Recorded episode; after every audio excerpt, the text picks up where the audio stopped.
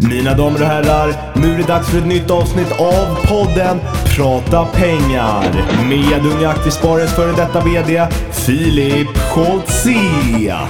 Och från Norrland, investeraren, mannen som har svar på allt, Niklas Andersson. Alltid under hashtaggen Prata pengar på Twitter.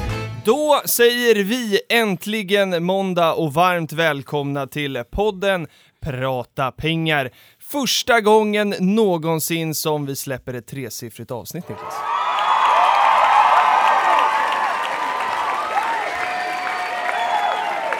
Exakt, jag reflekterade alldeles precis över att det är 900 avsnitt till nästa gång när vi slår alltså fyrsiffrigt då. Oh, ja. Ehm, Hur långt bort är det i tid? Ja, det beror på om vi börjar podda varje dag. Då går det lite snabbare. Ja, det är, Ehm, men om vi fortsätter den här veckotakten, då är det fortsatt Tjugo- bara 50 om nitt- året. ja, precis.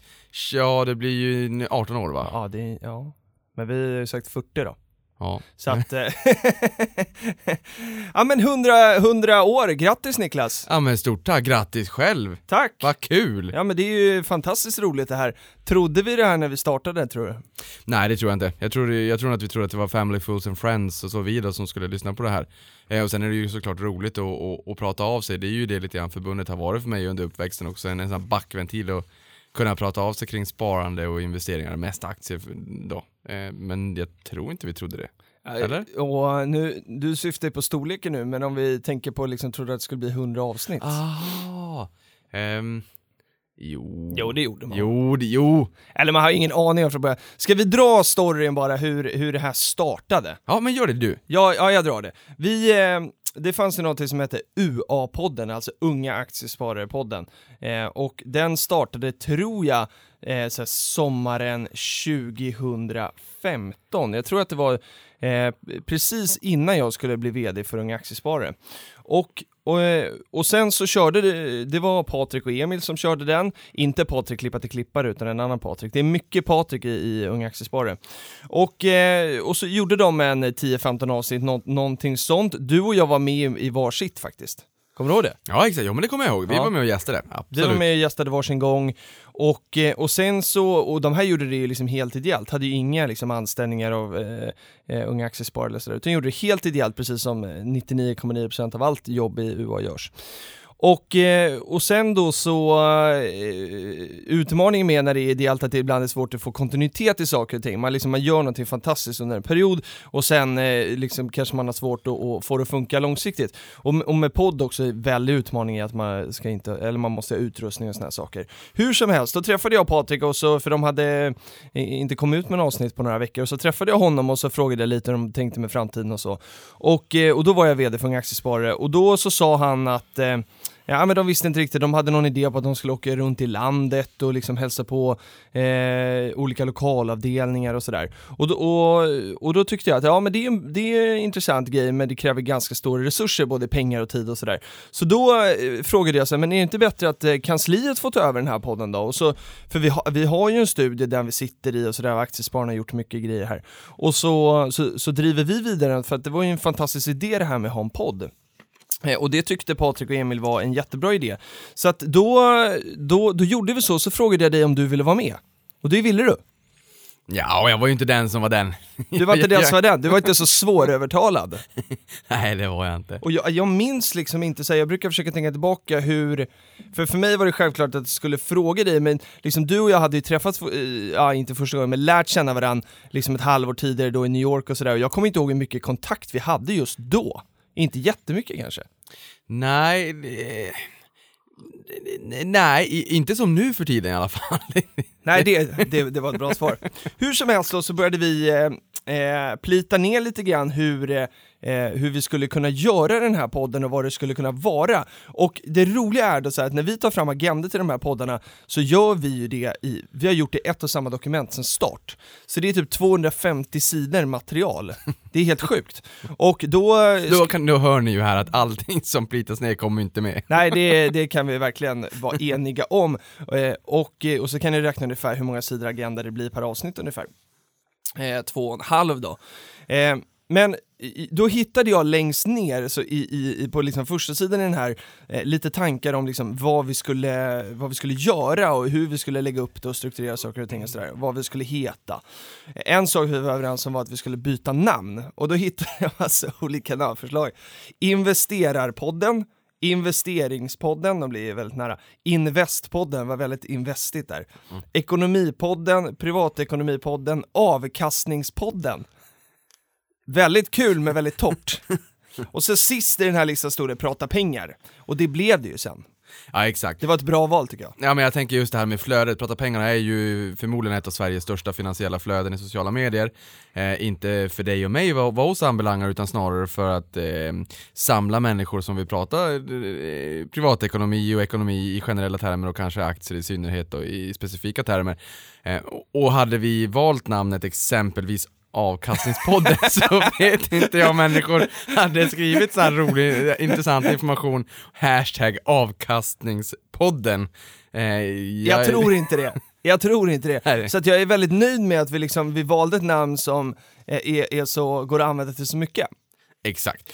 Och, och precis som du säger, det går att användas till väldigt, väldigt mycket och många samlar ju sina flöden när det kommer just till investeringar under hashtag prata pengar, vilket är otroligt roligt. Därför då får man ju någonstans en gemensam plattform och in och titta och läsa och kanske bidra själv och diskutera och inspirera varandra. Så att, eh, klockrent eh, val och jag tror att det här valet just hashtag prata pengar eller prata pengar, det var nog eh, det var ju ditt val Filip. Ja, Eh, Ditt och eh, dina kollegor. Det var, i alla fall inte mitt val. Nej, jag vet exakt eh, vem jag fick inspirationen från. Mm, vem då? Och det var Jennifer Ström, som var verksamhetschef för Ung Privatekonomi då.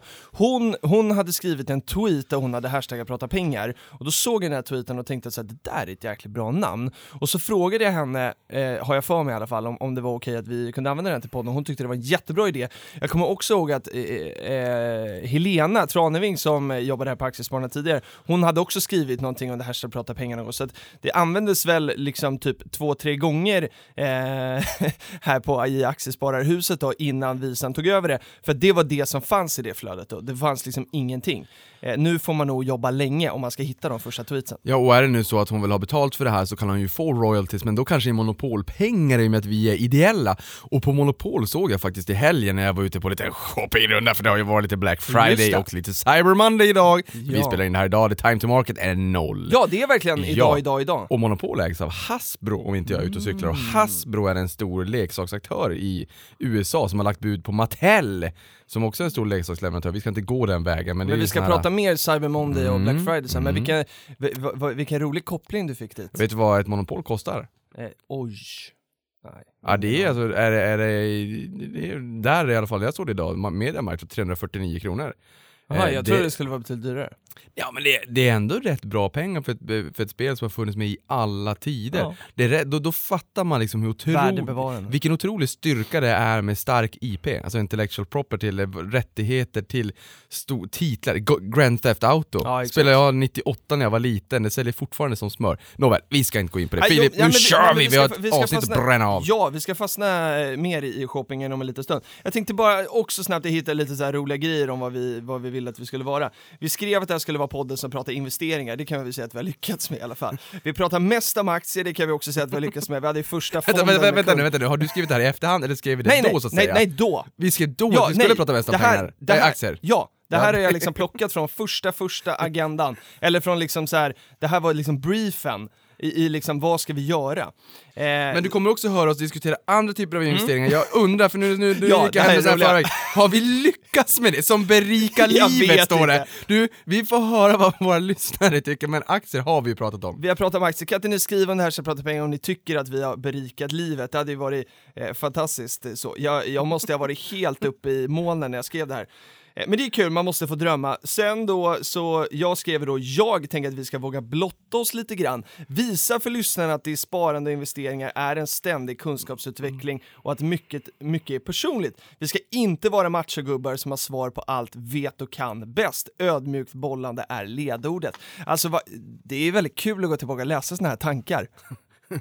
Oskar, tycker du vi har lyckats med att tumma upp eller tumma ner? Han säger tumme upp. Måste ju fråga någon Han oberoende. är ju jävig. Ah, Okej, han är jävig. Poddens längd är 40-45, det har vi lyckats med sådär. Podden utkommer måndagar, det har vi lyckats med bra.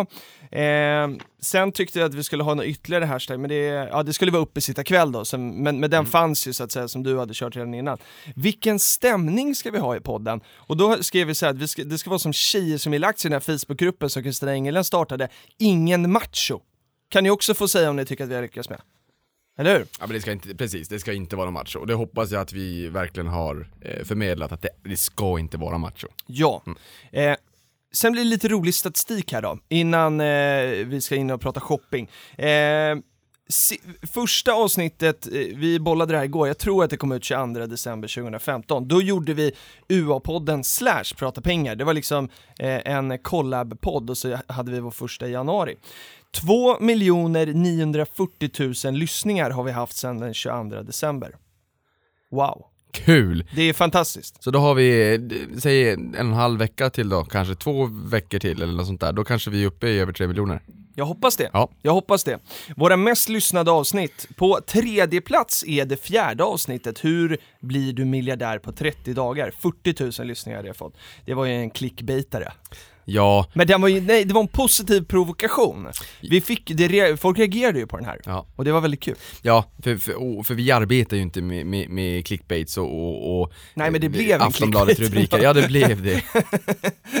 Nej det gör vi verkligen inte. Men, men för, förklara den här, det var ju du som kom på den här grejen och det var ju verkligen en positiv provokation. Ja, nej men just det här med, med att bli miljardär på 30 dagar, det finns ju ett sånt exempel, jag tror att det är The, the Richest Man in Babylon, eh, med, med någon kejsare och riskorn på ett schackbräde, men eh, i det här avsnittet så ville vi ju bara förklara just ränta på ränta-effekten och den enorma styrkan då över tid och eh, Albert Einstein lär ju ha sagt att eh, ränta på ränta-effekten är världens åttonde underverk och universums starkaste kraft och den som förstår kraften är den som tjänar på det och den som inte förstår det, den som betalar för det. Och det här har ju gällt liksom i all evighet fram till då att eh, vi fick eh, höjd beskattning på investeringssparkonton som bara var två påsar ostbågar. Men det här är då i alla fall, ta en krona dag ett och så så fördubblar du den där varje dag i 30 dagar. Så en krona dag ett blir två kronor dag två, blir fyra kronor dag tre, blir åtta kronor dag fyra och sen så förstår ni resten då så att säga. Och det här blir ju över en miljard och en miljard 70 miljoner på 30 dagar. Eh, och det här är ju bara ett snabbt exempel bara för att fånga folks attention och för att man ska då inse att aha, oj vad den här effekten är stark över tid.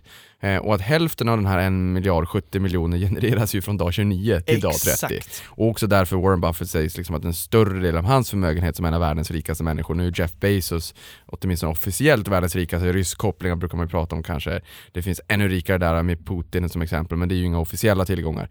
Men han sägs ju ha tjänat sina pengar, då, Warren Buffett då, eh, från eh, 60 plus. Just det. Alltså större delen av sin förmögenhet från 60 plus så att säga. Det är faktiskt ganska, om man är lite bevandrad i matte så, så är det ganska rimligt, men det var väldigt många som kommenterade och sa det här är orimligt. Och så bara, ja det är det säkert, men det, det, matten stämmer. eh, nummer två då var eh, avsnitt nummer tre, vi var ju hetade i början, Bygg din egen pengamaskin, 49 500. Och nummer ett, avsnitt 10, Vägen till första miljonen, 55 000 lyssningar. Så att eh, det var ju de tio första avsnitten har ju hittills varit de, eh, de mest lyssnade, men de har ju också fått jobba längst i, i backloggen. Ja, för när jag tänker när jag ser den här vägen till eh, första miljonen i och med att den var den mest lyssnade, för då pratade jag ju om vägen till när jag tjänade min första Ja. miljon. Men, men jag är ju sugen på, eller det tror jag säkert vi är båda två, att, att ta ytterligare ett avsnitt så här, hur tjänar man sin första miljon? För Ja. det är inte så svårt. Nej, nej. Sen är det så här, ska jag säga ödmjukt att det inte är enkelt heller, men det är inte så svårt när man ger sig fasiken på det. Jag vet hur enkelt det kan vara. Det, det, I dagsläget för mig är det väldigt enkelt att tjäna miljonbelopp, det går ganska snabbt. Eh, samtidigt som från början så var det jättesvårt. Vänd på det. Mm. När det kommer till träning, Exakt. andra, förmodligen många som sitter och lyssnar på det här, tycker att träning är väldigt enkelt. Mm. Jag tycker träning är väldigt svårt. Eh, och just, eh, ja, det bara för att dra de parallellerna sinsemellan. Det är samma mekanismer. Det, det är samma mekanismer, det är samma psykologi och, och, och i det här fallet så tycker jag att det, det har varit, det är en lång startsträcka liksom, att hitta sig själv och sin investeringsstil och verkligen mm, få allting att sitta, men sen när det sitter då, går det, då, då blir det bara enklare och enklare. Men jag skulle vilja göra ett avsnitt där man inte pratar om Eh, där jag inte pratar om liksom min resa dit, utan du och jag Filip pratar om hur gör lyssnaren för att nå dit istället. Så Smart. vi, vi utgår inte från dig och mig, Nej, utan nej, vi utgår nej. från lyssnaren. Vi utgår från att man börjar från noll och hur man ska tänka, som om vi också hade börjat eh, fr- från ruta ett. Hade inte det varit spännande? Det hade varit jättekul. För det, det, tror jag blir ännu upp. bättre så att säga. Jag tycker det blir, låter jätte, jättebra. Eh, för då kan man också göra det lite mer generellt så att det passar alla. För all, liksom, din väg kanske inte passar nästa och sådär. Vi kan försöka göra en ganska generell väg då. Det är säkert kul för folk att, att lyssna på, på min resa där och, och lära känna dig och mig och lära känna oss ändå bättre kanske Mm. i början av podden. Men sen är det så här, ja ja, okej. Eh, Det är jättekul med så här, eh, hur gör jag då? I Sverige är det så här, hm, du ska inte tro att du är någon, vi har Jante, Ja. glöm det, kryp, kryp ner bakom din sten igen. Medan i USA hade man förmodligen sagt, wow, Mm. berätta hur jag gör. Mm, jag vill göra exakt. exakt samma resa som dig. Jag vill också nå det där målet, om det nu är ett mål. Det finns många andra mål i livet. Pengar ska definitivt inte vara ett obsolet höll jag på att säga, ett absolut mål. Nej, för pengar är ett dött ting. Men där ska man säga såhär, Verktyget. berätta hur jag gör. Och det är det jag vill komma åt. Vi ska berätta hur andra, hur vi kanske tror att andra kan nå det här målet. Vi ska inte prata om oss själva. Ett Nej. sånt avsnitt skulle jag vilja göra. Det skriver vi upp. Mm. Och det hoppas vi att vår meste lyssnare eh, kommer uppskatta. Vår meste lyssnare heter Johan och har lyssnat på podden 754 gånger. Eh, väldigt kul. Otroligt roligt alltså. Eh, Sverige är det land som lyssnar mest på vår podd. Nummer två är Norge eh, och därefter så är det USA. Eh, som stad då så är det Stockholm som lyssnar mest. Tvåa, kan man gissa? Göteborg! Ja men Göteborg, det är trevligt. Och Malmö som Vi har många fina då. bolag i Göteborg. Malmö nummer tre. Mm. Ja, fina bolag i Malmö också. Det är det, inte minst. Sen eh, kan man ju tycka att det var lite jobbigt med Fingerprint. Ja, Mm. det, det, ja absolut. Men, det, men det, det, är faktiskt väldigt fina eh, Ja, det finns bolag väldigt många, ja du har Vilborg så mycket fastigheter, du har annat, det finns också mycket i Lund, det händer ju mycket på, är det medtech kanske? Ja, och Arhus Karls, Karlshamn är ju därifrån också va? Inte minst. Nej, men, men det finns ett gäng bolag där nere som är fina. Verkligen. Eh, första veckan som vi gjorde det här då så hade vi, eh, vi mäter lyssningar per vecka. Då hade vi 217 stycken och det tog hela fyra veckor då innan vi nådde över 1000, då hade vi 1204. Under 2016 så hade vi i snitt 21 953 lyssningar per vecka och 2017 så är det hittills då 38 200. Eh, Så tickar stadigt på, vilket är kul, för då är det fler som tycker det här med aktier är roligt. Eh, Eller så har vi bara fler som är som Johan och lyssnar 754 gånger, jag vet inte.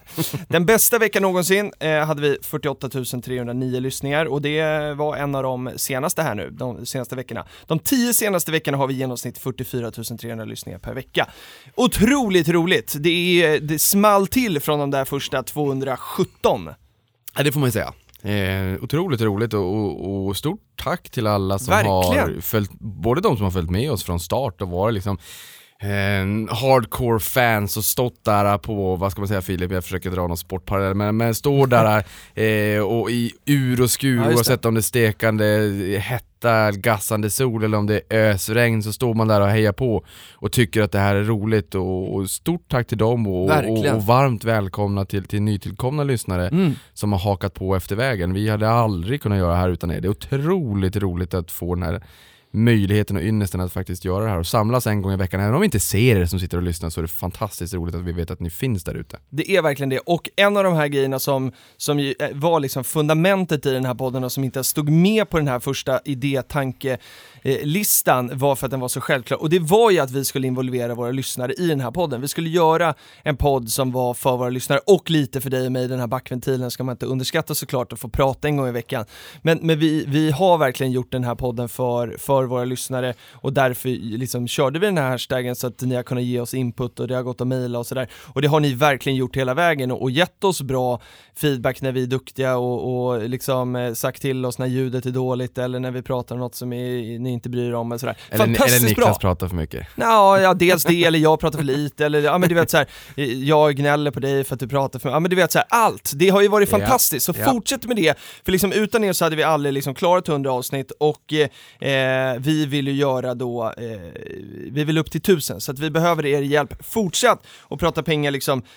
Jag kommer inte ihåg när brytpunkten var, men det var ju någon gång där i början så fick ju du och jag kämpa på hashtaggen prata pengar själv och skriva själva för att få igång flödet. Sen kommer inte jag ihåg när det nådde den brytpunkten där man tappade kontrollen. Där det här flödet började leva sitt eget liv. Det är säkert ett år sedan, men Ja. det, det har ju varit länge ändå sedan det lever sitt egna liv. Ja det har varit jättelänge, och det är, vilket är otroligt roligt. Eh, Och, och jag tror att det här är så pass starkt, och sociala medier och, och internet, och det, det var ju ingen fluga då. Jag tror att det här kommer även överleva e- en sättning på börsen, sen kommer det vara de som lämnar marknaden, och vi hoppas ju på att vi kommer finnas med här i flödet och kunna vara med i ur och skur och se till att man inte lämnar när det är tråkiga tider, vilket annars kanske är möjligt om man tycker att ah, men det här var ju inte så roligt och marknaden, nej det är nog ingenting för mig. Vi kommer finnas här för er i ur och skur. Eh, och, och jag reflekterar över Filip att avsnitt 1000, Mm. då är min lilla Nelly 18. Åh jäklar! Nej vad häftigt! Då är hon myndig. Då kanske hon får sitta här och berätta om sitt barnsparande eller något sånt. Sin, eh, sin jobbiga uppväxt med massa finansiellt.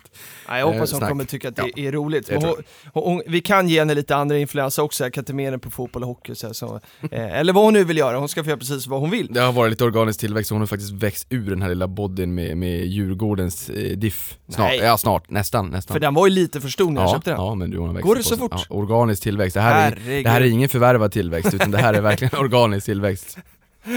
Eh, en höjdpunkt då, eh, för, eh, för oss och för er och för alla var ju när den här podden fick podcastpriset för, ja, det är nästan ett år sedan då. Ehm, för det, det fina med det här priset är att det är liksom lyssnarnas pris, och lyssnarna röstar ju.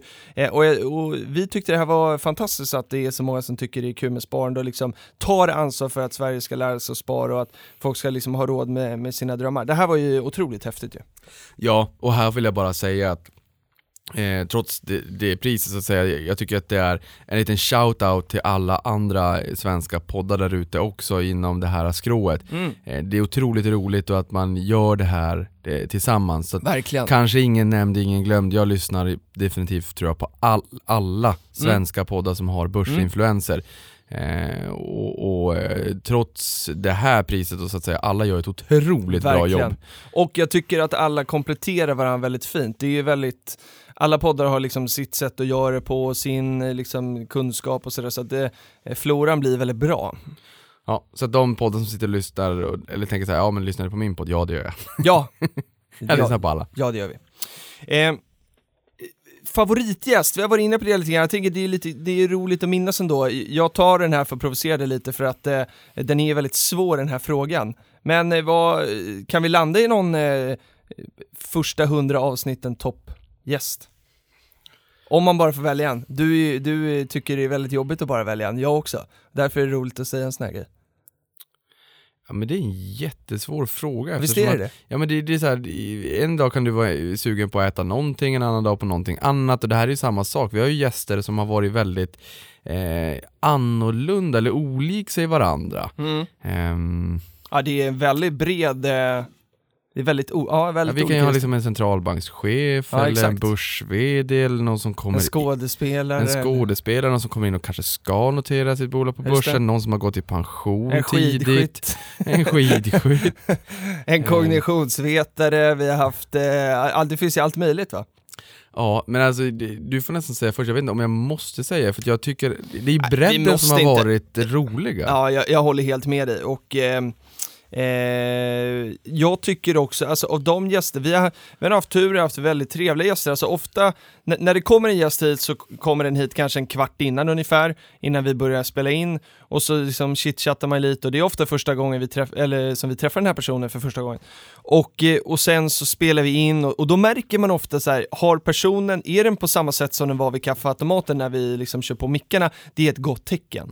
Eh, och sen också sådär, eh, kan man, eh, brukar hen hänga kvar och, och chitchatta lite efter och, och hur är personen då?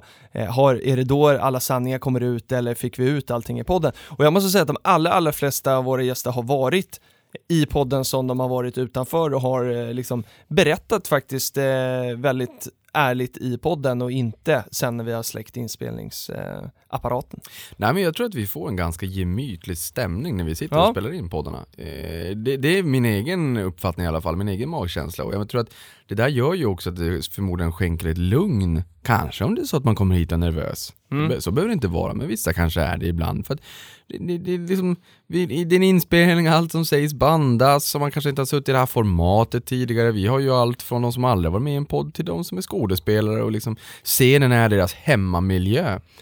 Exakt. Eh, Men, men det har fortfarande varit, precis som du säger, otroligt intressant och många, om inte nästan alla, har ju faktiskt blommat ut när vi har spelat in det här. Alltså vi har ju fått ut väldigt mycket. Och det, det är ju också det som har varit eh, vår, vår vilja att liksom krypa in under huden på våra gäster och verkligen förstå. Det är ingen skjutjärnsjournalistik Nej. utan kommer exempelvis eh, Helena Stjärnholm från Industrivärlden hit, ja men då vill vi krypa in under skinnet och känna hur är det att vara VD på, på ett investmentbolag? Hur, hur går det till? Vad gör ni? Hur går investeringsbesluten till? Ibland tar vi på oss dumhatten för att bara, bara liksom även ja, men, förstå, Mm. eh, så att säga. Mm. Och inte utgå från att alla som lyssnar förstår allt det här. Och det gör ju inte vi alltid heller. Det här är ju Oh, ett evigt lärande. Oh, nej. Ja det är det verkligen. Och, så det var ingen slump att vi skrev där i början att vi skulle liksom, eh, ja, men göra det enkelt och ibland våga ta på dumheter. Och det är därför jag tror många gäster tycker att att eh, det är roligt att komma hit, för vi ställer nog lite andra frågor än när de får komma till, eh, eh,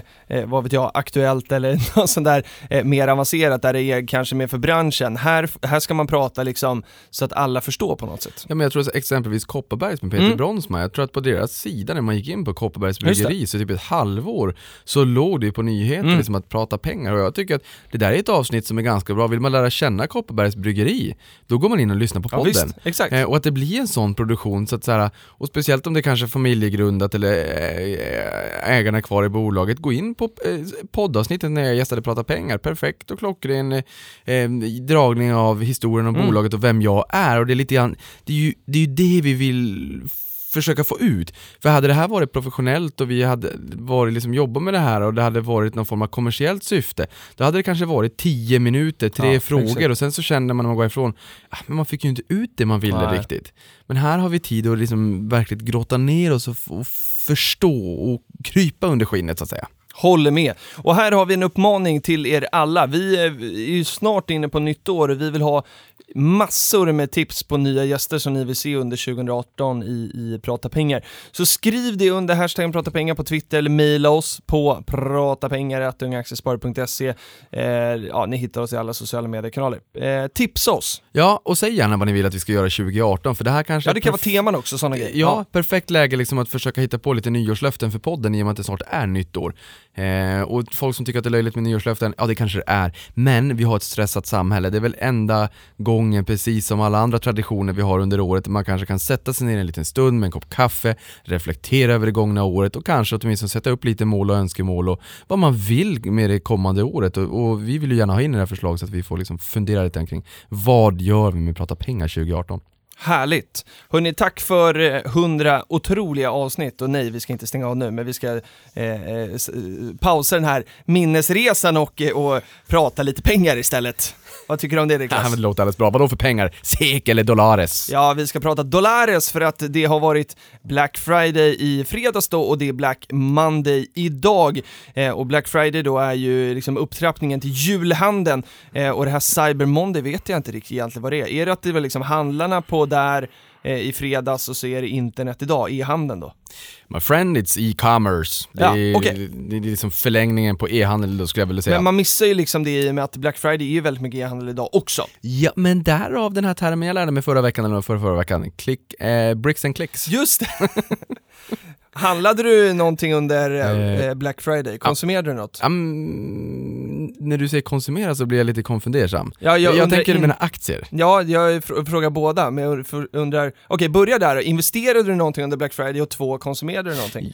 Ja, eh, ja men det gjorde jag. Eh, Det, det, när det kommer till aktier, jag hade så otroligt mycket att göra på jobbet med liksom videos som skulle ut och sådär. Visst. Så att jag hann bara på sluttampen köpa lite aktier till min dotter. Och då köpte jag aktier i Alibaba. Ah. Eh, Amazon har själv, eh, och hon får väl också Amazon. Ehm, Men, men Alibaba då, för att min känsla är ju då när man är ute och lyssnar bland sådana här kunnare att eh, Alibaba och Amazon delar upp världen i, i varsitt block, liksom Amazon i västvärlden och, Mm. och, och eh, Alibaba i öst och Amazon Web Services, deras clouding eller molntjänst är det som, som genererar en massa pengar som de kan investera i allt annat då så att säga och där kanske inte västerländska bolag alldeles är jättebekväma att lägga eh, konfidentiell eller lite känslig data på server som står i Kina. Eh, I alla fall i dagsläget. Mm. Eh, Men det är ändå 200 miljoner människor på daglig basis som handlar på Alibaba eh, och en halv miljard människor som är kunder så att jag vill eh, ha den, den i hennes portfölj så att det, det köpte jag. Sen eh, Black Friday när det handlar om fysiska pryttlar, Mm. man handlar inte bara aktier, det känns konstigt att säga, det är nästan så, men man handlar lite annat också. Så då handlar jag sådana här eh, noise Ja, det, just cancelling-lurar. Eh, två- Värt, jag har sådana. Så det, det var ju bra att slå till just på Black Friday ju. Eh, jag köpte Facebook, Facebook? eh, aktien då, och Mm. eh, shoppade ingenting. Ingenting? Nej, jag, jag står inför eh, att flytta in i nytt boende så att jag eh, försöker lägga pengar på hög här nu för att man ska köpa någon ny säng och kanske någon matbord och sådär. Och, och där, däremot var jag ju runt och tittade på nätet, eh, inte i butiker än, och, och så nej, det kostar ju mycket pengar. Vill ha ett spartips.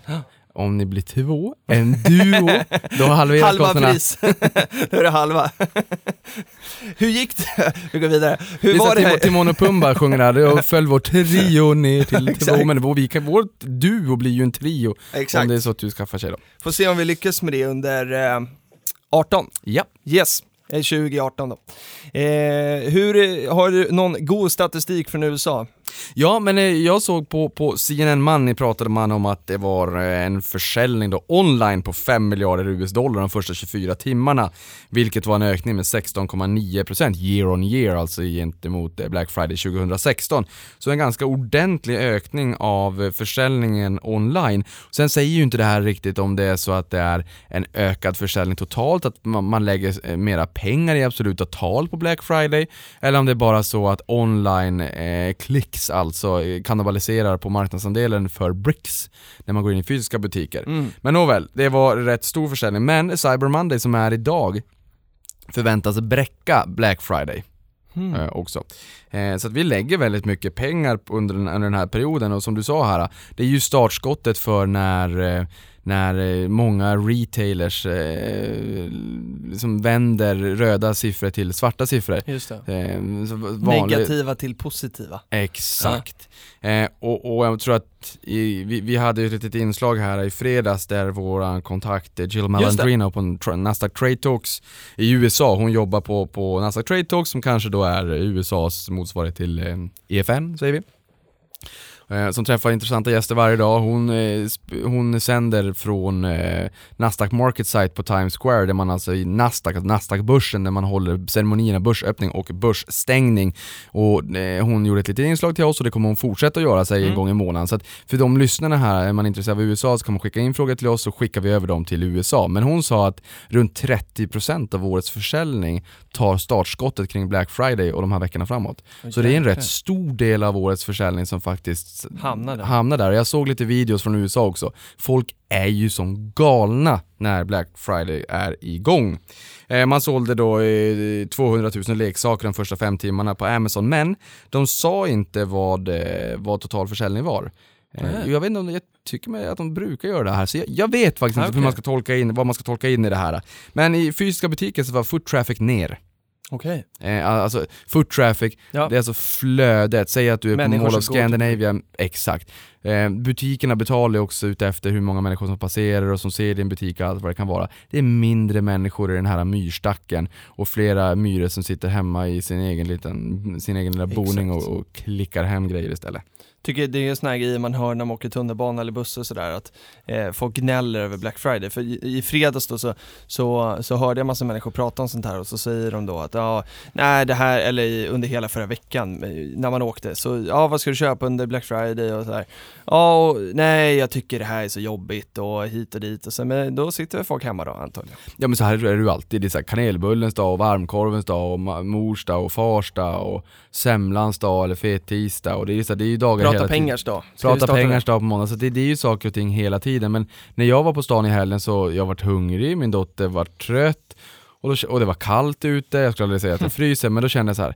Ja, jag kan ju sitta hemma och titta på nätet för där har jag ju allting samlat på ett och samma ställe. Jag behöver inte gå runt och tvärs hela stan. Man får ju motion i och för sig. Jo. Och så tänkte jag, jaha jag skulle ha gått på Servera för jag skulle ha köpt någonting till köket. Och så var det så här, men jag kan ju titta på nätet, allt vad de har. Exakt. Och, och det, det är så här, ja det är självklart. Mm. Men trots ja det, men det är skönt att komma ut också. ja, men det, det, på en polett trillar ner så här. Mm. e-handel är här för att stanna. Ja, det Det är inte en fluga. Men jag tror att det är ett komplement. Vi får se. Filip är lite mer click and brick och Ja, vi andra är jag mer och. klick. Jag hittade en rubrik där det stod att eh, Klarna dubblade sin försäljning under Black Friday, då blev jag väldigt nyfiken. Eh, dubbla var att ta i för det var 89% men ja, nästan, nästan 100 då. Eh, och sen då mätte man fram till lunch, och från morgon fram till lunch, inte liksom he hela dagen då. Men det ger ju ändå en indikation på att eh, det har gått bra eh, på deras marknader också. Sen tänkte jag att vi skulle prata lite amorteringskrav, för det kom ju förra veckan och eh, eh här är det lite som ISK, man bara drar åt svångremmarna lite i taget här. Och nu, eh, förut då amorteringskravet som, som eh, eh, har legat och som fortfarande gäller är ju att om man har en belåningsgrad mellan 70 och 85 procent så, så ska man eh, amortera 2 procent per år och under 70 ner till 50 då 1 procent per år. Men nu la man till en liten, eh, en, en litet villkor till och det handlar om en skuldkvot, alltså hur mycket lån har man i förhållande till vad man tjänar brutto per år. Eh, och har man då en, eh, en skuldkvot som är över 4,5 gånger det man tjänar per år så ska man amortera 3% per år. Eh, och eh, det här då slår ju förmodligen ganska hårt mot eh, ja, unga, nya på bostadsmarknaden och så här, som har varit tvungna att köpa efter många års uppgång och så vidare och så vidare. Vad tänker vi om det här? Ja, det, ja men det är väl en förlängning liksom på, på att eh, både Finansinspektionen och eh, Riksbanken är kanske oroliga över skulduppbyggnaden där ute i samhället och vilka implikationer det här lågränteklimatet faktiskt kan ha fått på, på bostadspriserna. Vi ska inte glömma bort att vi har en generation snart av människor som eh, aldrig har varit med om ett normalt ränteklimat. Nej. Eh, sommaren 2008, jag har sagt det här förut, då var boräntorna uppe i 6,2%. Mm. Det är, man, man, eh, skulle jag säga det idag är det nästan så att det kommer in två personer i vita rockar och för ut mig ur rummet. Ehm, Med men- tvångströja på. med, med tvångströja på, men det är klart att det är tråkigt eh, när det här bara dras åt och dras åt och dras åt och, och många ungdomar, kanske då inte minst, sitter där ute och tänker så här. Jaha, ja, ja, jag bor väl hemma till 35 då. Eh, här har jag liksom en dröm och, och en vision och jag ser framför mig den här bostaden och vännerna kan komma till mig och besöka mig. Jag har mitt eget, liksom, min, min egen bostad, mitt eget tempel och det, liksom, det är min bostad. Den här drömmen dras ju ifrån eh, fler och fler människor men Mm.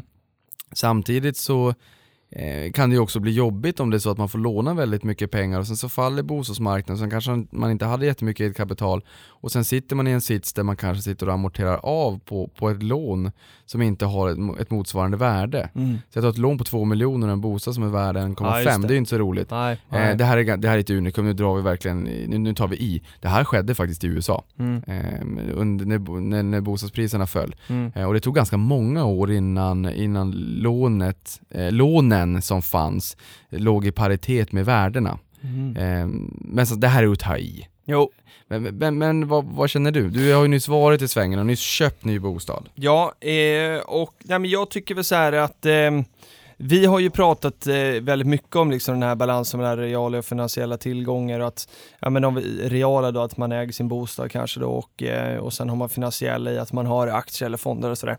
För, för, för balansen är god och eh, Eh, utmaningen blir ju här då att det finns ju väldigt många som säger att de inte har råd att spara, eh, alltså spara i finansiella tillgångar.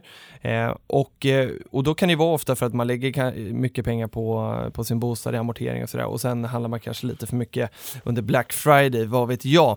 Men, men eh, där blir det ju en utmaning i att eh, man glömmer ju bort att amortering är ett sparande och den ränta man har på sitt lån är ju liksom den avkastningen, ränta man får på de pengarna. Sen är ju inte det eh, idag då, jag, nu kommer jag, eller jag har en en ränta på 1,35 så att varje gång jag amorterar så får jag det är som att jag har ett sparkonto med 1,35. Minus skattereduktion. Minus skattereduktioner, absolut, absolut. Eh, så att ja, jag vet inte tusan alltså, här, här, det drar ju åt svångremmen enormt. Det som jag vill komma till här är att jag sa till dig igår att jag har hittat en enormt intressant graf och eh, det här brukar vara vad du säger till mig. Men, men jag hittade på Finansinspektionen igår där man hade plottrat ut alla svenska bolån, eller hushållsbolån, och där man på den ena axeln då visar belåningsgraden och på den andra skuldkvoten. Vi kan lägga ut den här på Twitter sen. Eh, och, och då ser man ju ganska kraftigt så här att ja, men hushållen är ju ganska kraftigt belånade.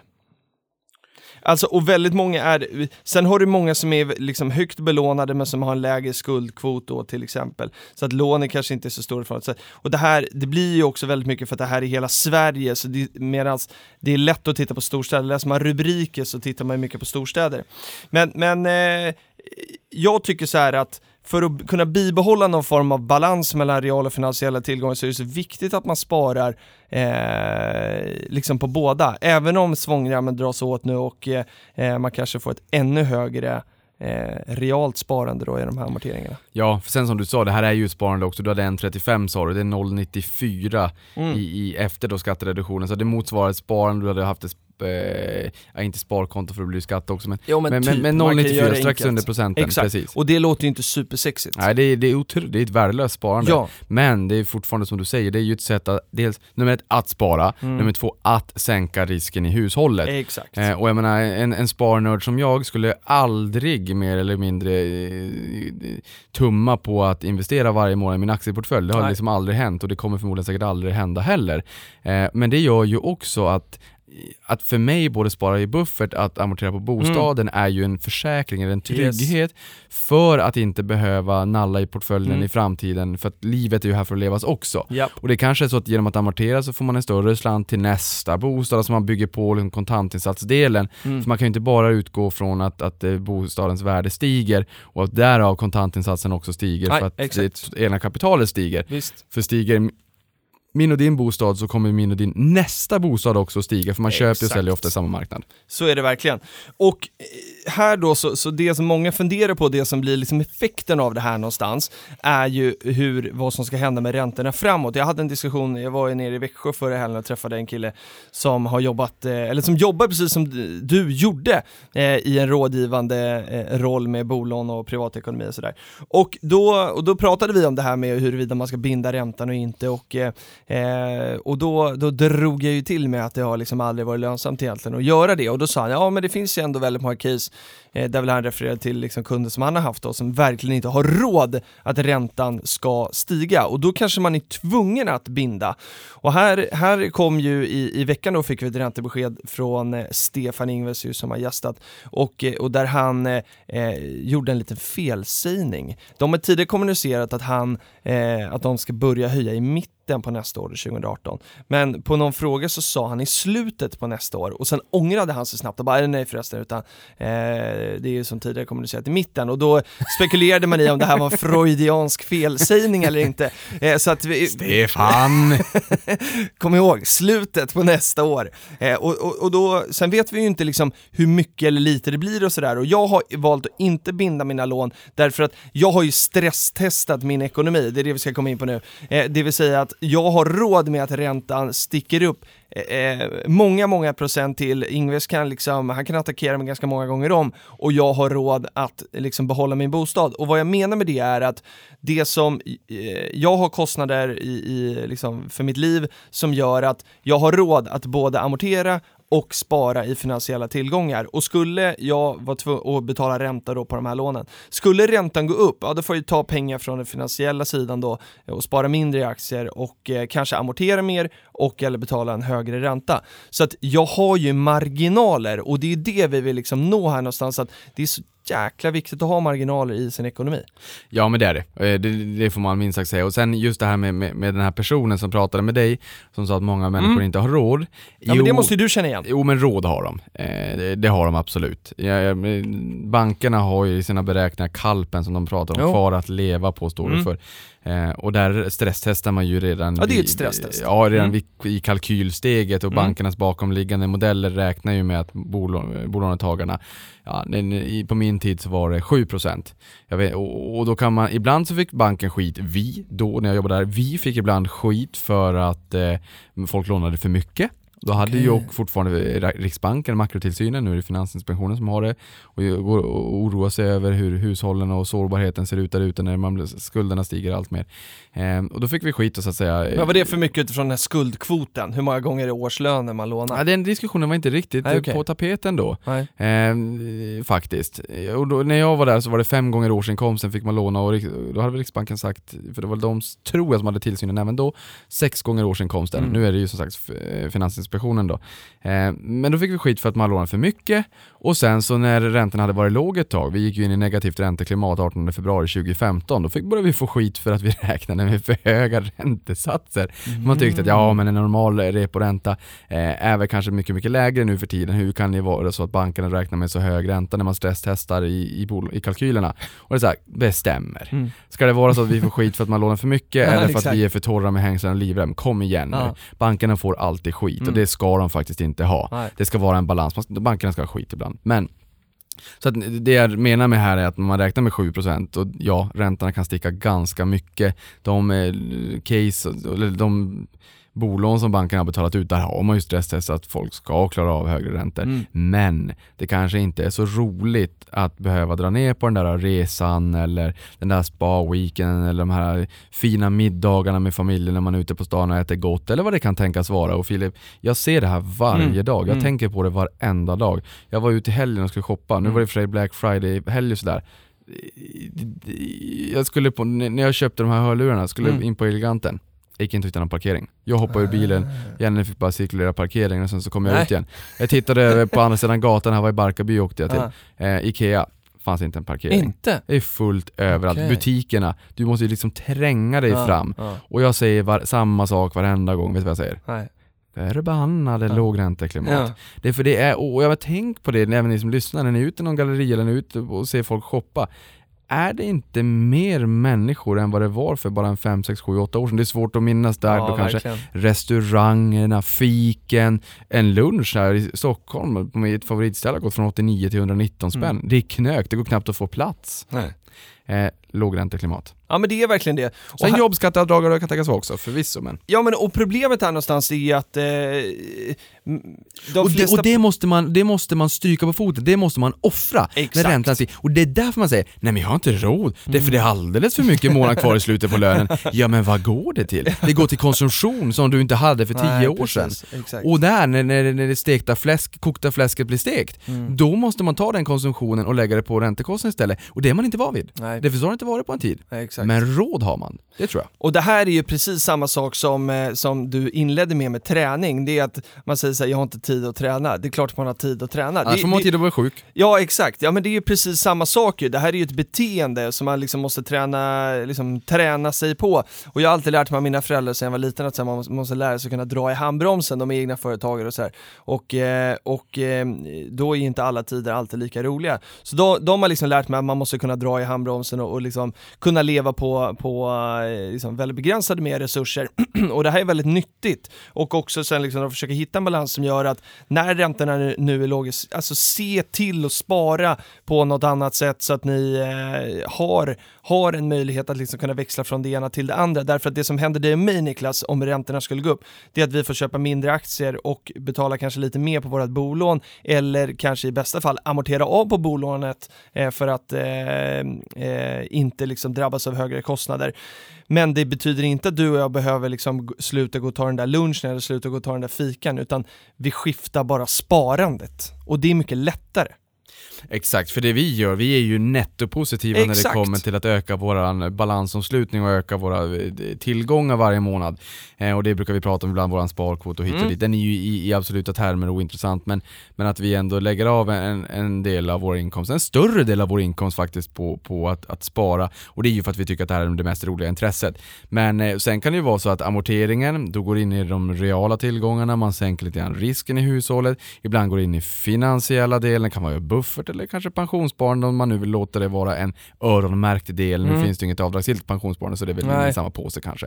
Eller i aktieportföljerna vad det kan tänkas vara. Men varenda månad, varenda månad efter den 25 så vet våra lyssnare att vi har ökat Mm. våra nettotillgångar. Ja. Och det gör ju våra lyssnare i mångt och mycket också. Mm. Sen kan priserna fluktuera upp och ner över tid, absolut.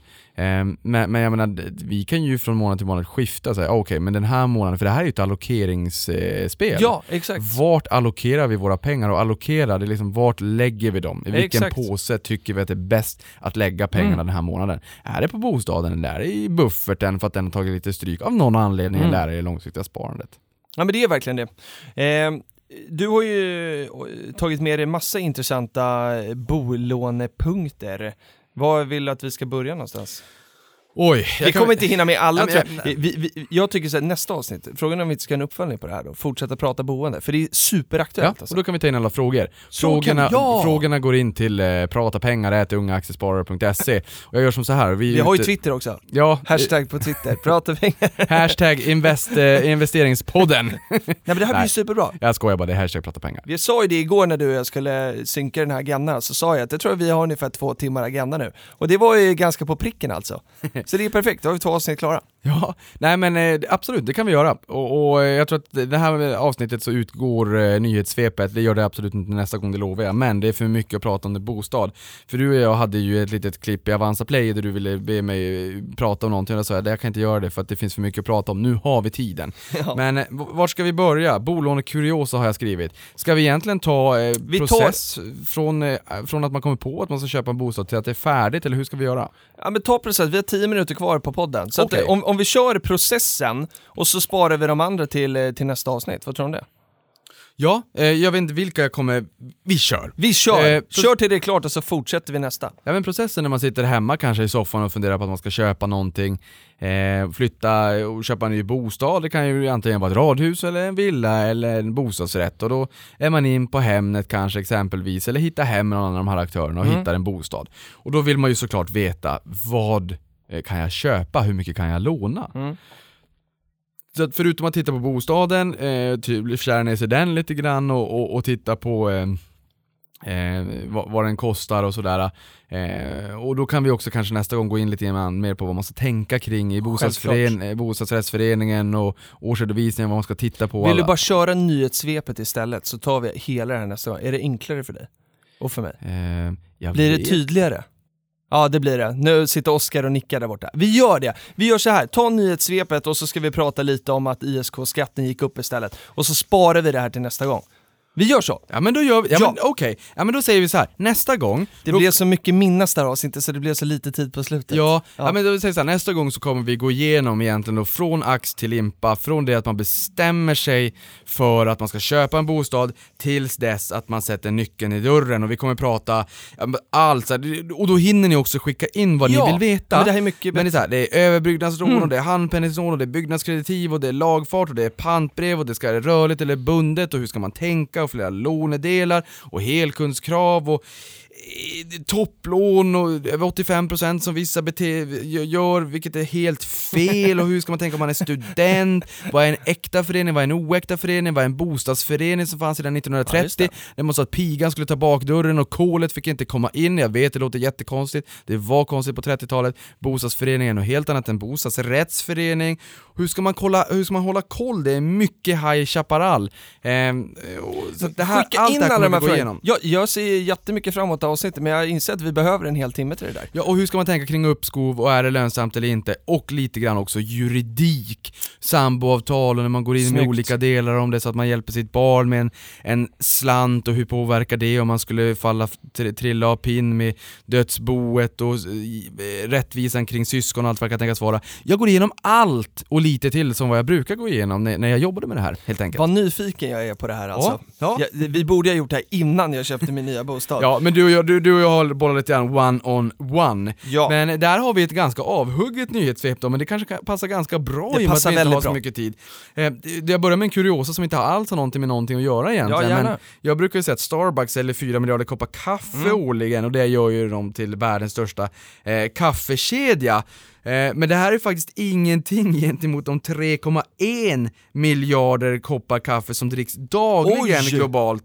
Så Eh, de har bara en och en halv dag av världsmarknaden? Ja, sen kan man ju tycka så här, okej men man dricker mycket kaffe hemma. Ja, det Ja. är rimligt och rationellt. I Sverige, Jag är inte så säker på att det ser ut så här över hela världen. I USA så köpte jag en stor kopp kaffe på Starbucks för 16 kronor, motsvarande svenska. Mhm. Jag tror att det finns många kulturella, vi bor ju kanske jobbar, sen så är vi hemma Ja, mycket här i kalla Norden. Men, men ute på kontinenten, då är du mer ute på stan. Det liksom visst. stan, samhället blir ju ditt vardagsrum. Och i och med att det inte kostar så mycket så jag är inte helt säker på att man alltid dricker mer kaffe hemma. Men i alla fall, man har en potential att fortsätta växa. Det här 4 miljarder kopparna kaffe om året gör ju dem till världens största kafékedja. Whitbread och Costa är ju världens näst största i, i UK då. Sen har vi också en liten kuriosa, det, det blir egentligen bara två kuriosor, Mm. för jag hade inte alls tänkt att vi skulle hinna med i nyhetssvepet. Nej. Men det är- finns ju en podcast som heter Rich Dad Radio Show eh, med Robert T. Kiyosaki, men det är inte han som pratar, men han har ju skrivit den här boken, eller många böcker, Mm. men Rich Dad Poor Dad som jag varmt eh, rekommenderar. Inte för hur man ska investera, utan snarare för hur man ska tänka, och det är en lite feel good bok eh, Och då sa man att guld, för de tyckte att ja, men, pengar, det ska man inte spara i, och det tycker jag ju liksom, nej det kanske man inte ska göra. Eh, och de vill ju spara i guld, för pengar är ju bara dasspapper egentligen som centralbanken printar och sen så hoppas man att man alla ska lita på att det finns ett riktigt värde. Det gör det ju inte egentligen sedan 1971-1972 när man tog bort guldmyntfoten. Mm. Och vad det var var ju att de här pengarna, sedlarna var kopplade till ett värde, en, en viss mängd guld. Så det det. fanns ett riktigt värde så att säga inom citationstecken. Men här sa man då att på varje gram guld så finns det en fordran på 50 till 100 gram eh, finansiella instrument eller vad det kan tänkas vara. Så för ett gram guld så finns det fordringar på 50 till 100 eh, gånger mer. Åh herregud. Vilket innebär att man har lånat på tusen, det lånat på 100? lånat på lånat. Vad så- Du har eh, skrivit tusen men du sa Nej, nej, hundra. nej, nej det, är 100. 50, Det är 100, till- okej. det är 50 till Ja, 100 ja. gånger mer. Så att det är liksom 50 till 100 gånger, personer skulle vi teoretiskt sett kunna säga, det är ju inte riktigt, eh, stämmer ju inte riktigt men. Säg att vi är 50 till 100 personer som ska dela på det här ett grammet guld.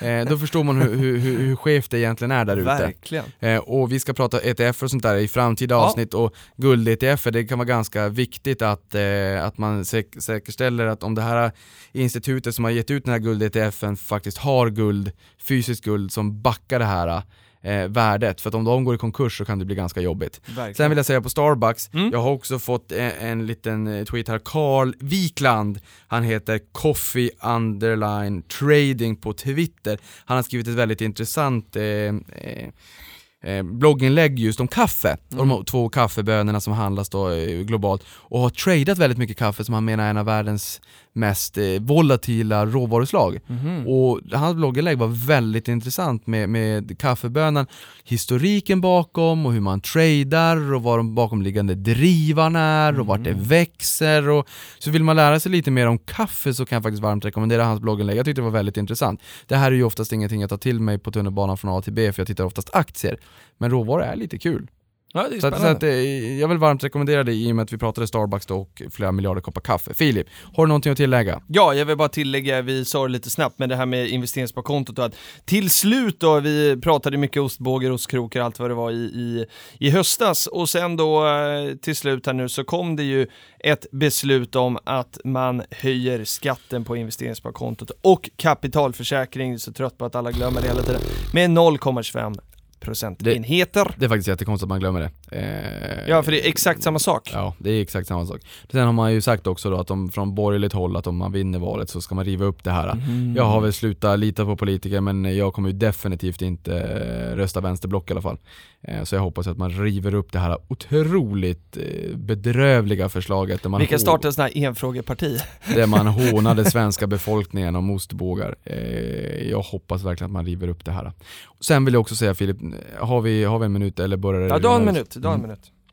Eh, när man jämställer courtage hos eh, olika aktörer och courtagekostnaden med, eh, Alltså avgiften för aktiehandel. ja, med, med den här höjningen på eh, skatten för investeringssparkonto och Ja, då är kapitalförsäkring. man ute och cyklar. då är man verkligen ute och cyklar. Det är en otroligt stor tankevurpa. Därför att det här... Ja, förlåt att jag skrattar, det är ju inte helt självklart. Nej, men det är inte helt självklart. Men det är bara så trist att det finns så mycket okunskap. Ja, men, det ska vi råda bot på. Mm, ja, det, Eh. ja, verkligen. Det är, inte, det är därför vi ska göra tusen till. Det är för det här, nu sa man ju då i, från politiskt håll att man inte skulle höja skatten på investeringssparkontot eh, och kapitalförsäkringen, men sen så vart det lågränteklimatet och statsräntorna så låga så man bara, "Pff, det där skulle vi alla sagt, vi vill ha in pengar. Och sen så la man ett golv, eller man la till plus Mm. 0,75 och så nu 0,25 till då.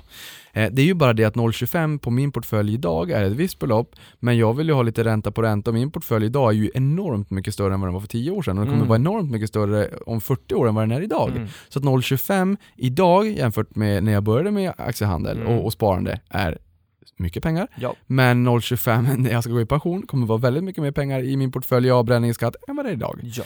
Eh, så den blir ju progressiv. Ta liksom så här, fram med händerna, eh, framför dig, vänster, vänster, höger, det är ränta på ränta, ta vänster handen och sen så bara peka rakt upp i himlen med höger handen. Då ser du liksom, då, då visualiserar du hur, hur eh, din portföljs värde kommer stiga över tid. Och den här 0,25 kommer ju bara vara mer och mer och mer och mer pengar över tid. Det är ungefär som att ju tröttare du blir på löpbandet desto mera motstånd eller desto högre eh, både höjd och snabbhet lägger du på. Det blir bara tröttare och tröttare och tröttare. Men courtaget det kommer ju vara mer eller mindre samma. Det är en strukturell press ner på courtage. Ja. Jag har en sparkvot på En gång. 50%. Mm. Hur stor är sannolikheten att jag över tid kommer att öka min sparkvot? Ja, den är väl, eh, ja det lär du väl göra om du får högre lön kanske. Men... Ja, i absoluta tal, men inte i alla fall i procentuella Nej, termer. procent. Men, procent, Nej, men nej. procenten, det var ju precis det vi sa, att man Jo, inte aj, ska exakt, aj, exakt. falla den tankevurpan. Eh, men det innebär ju att eh, investeringssparkontot, skatten som man lägger på, den är progressiv, den ökar med ökat portföljvärde. Mm. Courtaget är mer eller mindre detsamma därför att du kommer inte att öka din, ditt, ditt sparande varje månad med flera hundra procent. Det händer inte. Bra slutord Niklas! Det var avsnitt 100 och eh, egentligen, du och jag har ju faktiskt bara spelat in 99 så att nästa när vi ska prata bostäder så blir det vårat 100. Men prata pengar 100, eh, vad kul det var och jag ser redan fram emot nästa gång. Det är ju sällan vi har liksom nästa avsnitt färdigt när vi liksom spelar in det här, det känns ju jättebra. Exakt. Snyggt jobbat Niklas, tack för 100 och eh, vi ser fram emot 100 till eh, och tillsammans med alla er lyssnare. Tack också till Oskar som eh, var med och tog oss över den här härliga mållinjen. Får vi, får vi en high five? Det får vi. Där, Där small det! Vi hörs igen nästa vecka, ha det gott! Tack hörni! Hej!